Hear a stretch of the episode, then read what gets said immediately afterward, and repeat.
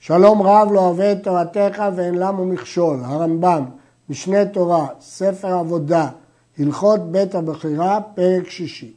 המקדש כולו לא היה במישור אלא במעלה ההר. כשאדם נכנס משער מזרחי להר הבית, מהלך עד סוף החל בשווה, שם עשו שטח שווה, חפרו בהר שיהיה מישור, ועולה מן לעזרת הנשים ב-12 מעלות. רום כל מעלה חצי אמה ושילחה חצי אמה. אם כן, היו 12 מעלות, המשנה אומרת שהן היו עגולות, שהיו עולים מהחל לעזרת נשים. כל מעלה גובה חצי אמה והרוחב שלה חצי אמה. ומהלך כל עזרת נשים בשווה, שם אישרו את השטח. ועולה ממנה לעזרת ישראל, שהיא תחילת האזהרה המקודשת מהתורה, ששם אה, טמא שנכנס חייב חטאת, בחמש עשרה מעלות. רום כל מעלה חצי אמה ושלחה חצי אמה. ומהלך כל עזרת ישראל בשווה, ועולה ממנה לעזרת הכהנים במעלה גבוהה אמה ועליה דוכן. יש בו שלוש מעלות, רום כל מעלה חצי אמה ושילחה חצי אמה. נמצאת עזרת כהנים גבוהה של ישראל שתי אמות ומרצה. אם כן, כשעולים מעזרת ישראל לעזרת כהנים, כאן הגובה של המעלה הוא אמה, ועליה יש דוכן, ושם יש בו שלוש מעלות של שוב חצי חצי אמה. ומהלך כל עזרת כהנים והמזבח, ובין האולם ולמזבח בשווה, ועולה משם לאולם ב-12 מעלות, רום כל מעלה חצי אמה ושילחה אמה, והאולם וההיכל כולו בשווה. אז עכשיו נשים לב כמה פעמים אדם מטפס. פעם אחת מאחל לעזרת נשים, שם הוא טיפס 12 מעלות. אחר כך מעזרת נשים לעזרת ישראל 15 מעלות. מעזרת ישראל לעזרת כהנים, אמה ועוד שלוש מעלות של חצי אמה. ואחר כך העלייה לאולם, 12 מעלות. נדגיש שכל המדרגות, המעלות, היו ישרות, חוץ מ-15 מעלות מיוחדות שעולים ממנה לתחילת האזהרה, כלומר מעזרת נשים לעזרת ישראל, שהן היו טרוטות, עגולות, כחצי גורן העגולה, והמעלות האלה אה, הן היו מיוחדות, 15 כנגד שירי המעלות שבתהילים. נמצא גובה קרקע היכל על קרקע שער המזרח של הר הבית 22 אמות. אם נחשב את הפרשי הגובה בין השער המזרחי לבין ההיכל, נמצא 22 אמות. וגובה שער הר הבית 20 אמה. לפיכך, העומד כנגד שער המזרח אינו רואה פתח ההיכל. והרי יש דין שכששוחטים פרה צריך להסתכל בפתחו של היכל בשעת הזיית אדם. אז אם כן, איך הוא יכול להסתכל? מפני זה עשו כותל שעל גבי שער זה נמוך, כדי שיהיה העומד בהר המשחה רואה פתח ההיכל בשעה שמזב מדם הפרה נוכח ההיכל. שחטו את הפרה האדומה בהר המשחה, ובשעה שהוא מזר צריך להביט נוכח פתח ההיכל. אבל אם הוא יביט דרך הפתח, הוא לא יוכל, כי דרך הפתח הוא לא יראה את פתח ההיכל מפני הפרשי הגבהים. אז הוא היה צריך לראות מעל גבי השער, כדי שהוא יוכל לראות את הפתח של ההיכל. לכן עשו את הכותל שעל השער הזה נמוך, כדי שהוא יוכל לראות את ההיכל. ולשכות היו שם תחת עזרת ישראל, פתוחות לעזרת נשים. אמרנו שהיו הפרשי גובה בין עזרת ישראל לעזרת נשים, אז ניצלו את החלל של הפרש הגובה הזה לבנות שם לשכות. שם הלוויים נותנים הכינורות והנבלים והמצלתיים וכל כלי השיר. שם היו נותנים בתוך החלל הזה שבין עזרת אה, ישראל לבין עזרת נשים. ועל הדוכן העולה מעזרת ישראל לעזרת הכהנים, היו הלוויים עומדים בשעה שאומרים שירה על הקורבן. זה מחלוקת תנאים, כך פוסק הרמב"ם, שעל המדרגה הזאת הם היו עומדים ושם אומרים שירה. הלשכות הבנויות בקודש ופתוחות לחול, אם היו גגותיהם שווים עם קרקע זרה, תוכן חול וגגותיהם קודש. מדוע? תוכן חול כי הולכים לפי הפתח והן פתוחות לחול, אבל גגותיהם קודש כי הגג שלהם שווה לקרקע הזרה. ואם אינם שווים, אף גגותיהם חול, שהגגות והעליות לא נתקדשו. לפיכך גגים אלו אין אוכלים שם קודשי קודשים ולא שוחטים קודשים קלים. נסביר. כל לשכה שפתוחה לחול מקבלת את דין חול, כדין הפתח שהיא פתוחה אליו. הגג שלה תלוי. אם הוא בשטח יחד עם המקדש, מישור עם המקדש, הוא מקבל את קדושת המקדש. אבל אם הוא גבוה מהשטח של המקדש, יש לו דין גגין, שגגין לא יתקדשו. לפיכך, כיוון שאמרנו שהגגות והעליות לא יתקדשו, אז לא אוכלים שם לא קודשי קודשים ולא שוחטים קודשים קלים. היו בנויות בחול ופתוחות לקודש, אם הפתח שלהם הוא לקודש, תוכן קודש לאכילת קודשי קודשים.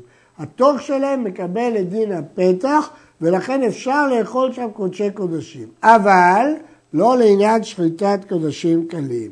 אבל אין שוחטים שם קודשים קלים. מלשון הרמב"ם משמע שמדאורייתא אי אפשר לשחוט, כי כל מה שהתורה ריבתה, כתוב בחצר אוהל מועד יאכלו, התורה ריבתה חצרות לאכילה, לכן לעניין אכילה יש ריבוי, אבל לעניין שוחטת קודשים קלים אין ריבוי.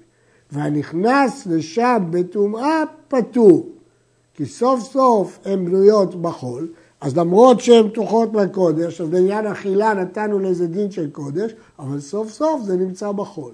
וגגותיהן חול לכל דבר. המחילות הפתוחות לעזרה, קודש, כיוון שהן פתוחות לקודש, והפתוחות להר הבית, חול, כי הן פתוחות לחול.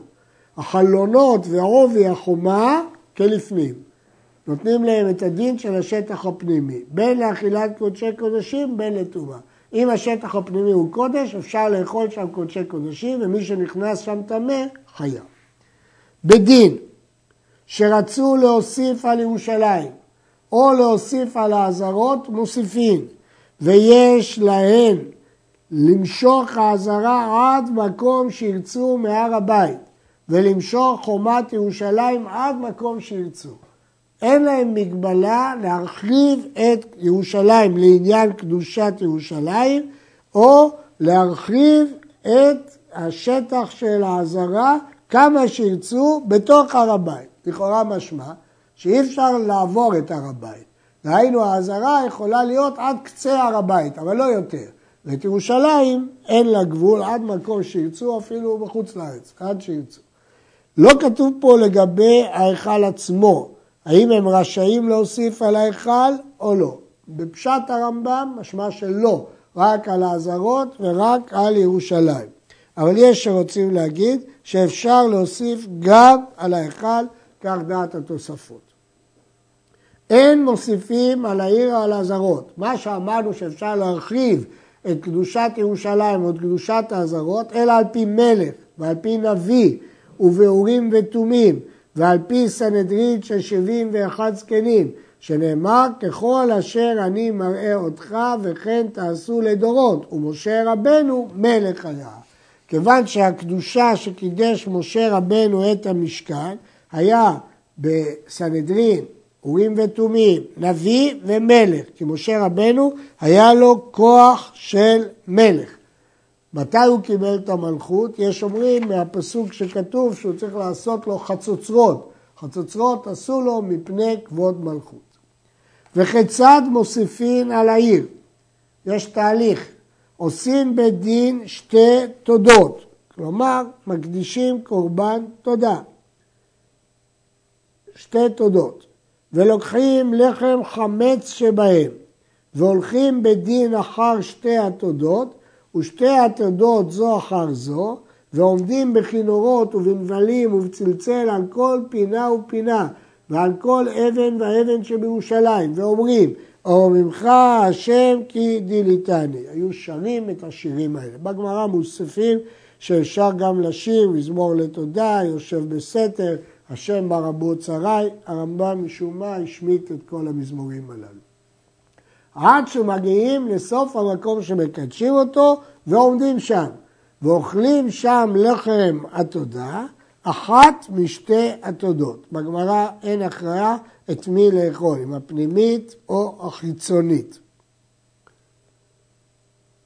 והשנייה נשרפת, ועל פי הנביא שורפים את זו ואוכלים את זו. הנביא יגיד מה שורפים ומה אוכלים.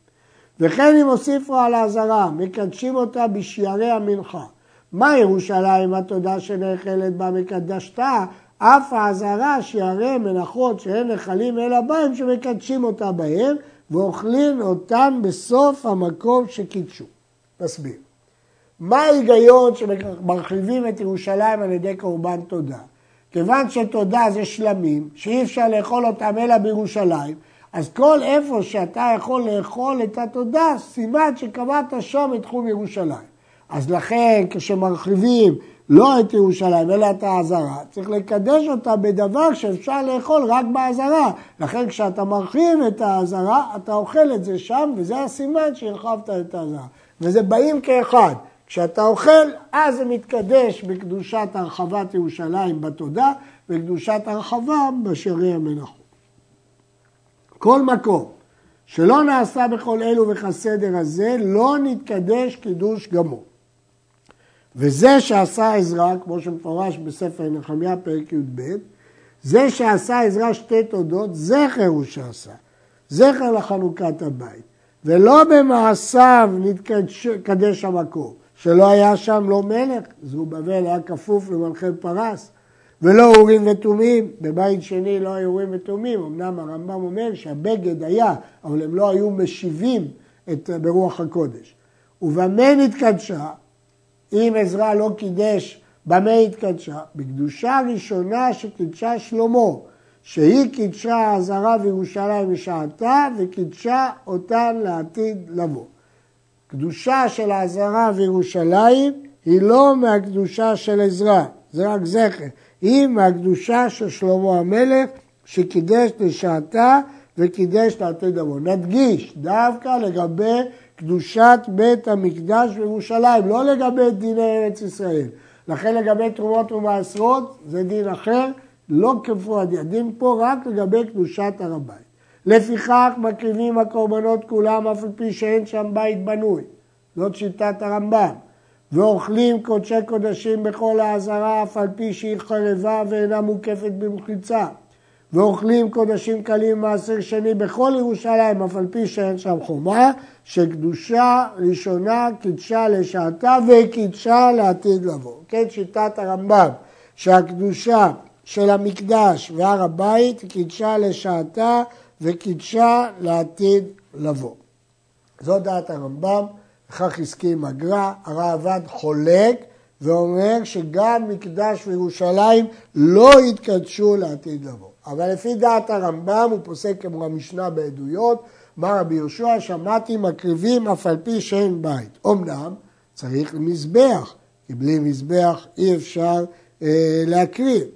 אז אפשר להקריב, אבל יש אומרים שזה לא חובה, אלא רשות. מה הבעיה בזמן הזה? אם אנחנו טמאים, אז אין לנו אפר פרה. אבל קורבנות שהותרו בציבור, לכאורה טומאה הותרה בציבור. אז יש כאלה שטענו שבאמת קורבן פסח, קורבנות ציבור צריך להיות מותר. אלה שאוסרים אומרים שצריך ציץ כדי לרצות, וצריך בגדי כהן גדול שאנחנו לא בקיאים בהם. ויש עוד הערות אחרות, כל זה היה פולמוס שהתעורר בשאלה שעוררות תלמידי רבי עקיבא עגר, האם לפי הרמב"ם אפשר להקריב בזמן הזה. אומרים אה, בשם רב חיים מבריסק, שבגלל שהרמב"ם פסק שמקריבים אף על פי שאין בית, לכן הוא פסק שספירת העומר היא מן התורה גם בזמן הזה, כיוון שאפשר היה להקריב את העומר גם בזמן הזה, ולכן הוא סובר שספירת העומר דאורייתא. ולמה אני אומר, הרמב"ם מקשה, במקדש ובירושלים שקדושה ראשונה קידשתן לעתיד לבוא. ובקדושת שאר ארץ ישראל לעניין שביעית ומעשרות וכיוצא בהם לא קידשה לעתיד לבוא. אומר הרמב"ם, למה אני מחלק וסובר שקדושת המקדש וירושלים לעניין קודשים קלים, את זה קידשו בשעתה ולעתיד לבוא. אבל לעניין תרומות, מעשרות, שביעית, קדושת ארץ ישראל, אמרנו שלא קידש לעתיד לבוא. לפי שקדושת המקדש בירושלים מפני השכינה, ושכינה אינה בטלה. והרי הוא אומר, והשימותי את מקדשכם, ואמרו חכמים, אף על פי ששוממים, קדושתם הם עומדים. הרמב"ם מחדש חידוש גדול, שקדושת המקדש בירושלים נובעת מקדושת השכינה, ולכן רבי יהושע אומר, מקריבים אף על פי שאין בית. שכינה אינה בטלה מעולם. אבל חיוב הארץ בשביעית ובמעשרות, וגם החיוב בירושלים של מעשרות, אינו אלא מפני שהוא כיבוש רבים, לא מקדושת השכינה, אלא מכיבוש הרבים. כיוון שנלקחה הארץ מידיהם, בטל הכיבוש, כי עכשיו הארץ נכבשה מחדש. ונפטרה מן התורה, מן המעשרות ומן השביעית, שהרי אינה ארץ ישראל.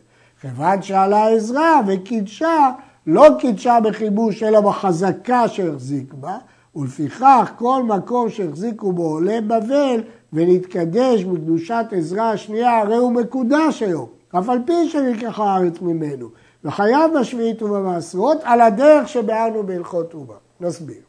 אמרנו שקדושת המקדש וירושלים נובעות מקדושת השכינה, אבל חיוב תרומות ומעשרות ושמיטה נובע מקדושת הארץ, וקדושת הארץ תלויה בכיבוש, וכשבטל הכיבוש בטלה, היה גלות, בטלה הקדושה. כשעזרא קידש, הוא לא קידש בכיבוש, קידש בהתיישבות, בחזקה. ולכן, כיוון שנשארו יהודים בארץ, חזקה לא בטלה. ואף על פי שעבדה הארץ מאיתנו. זה לא כיבוש, אבל חזקה נשארה. רבים שואלים, כמו שהכיבוש התבטל כשגלינו, למה החזקה לא התבטלה כשגלו ישראל אחר כך?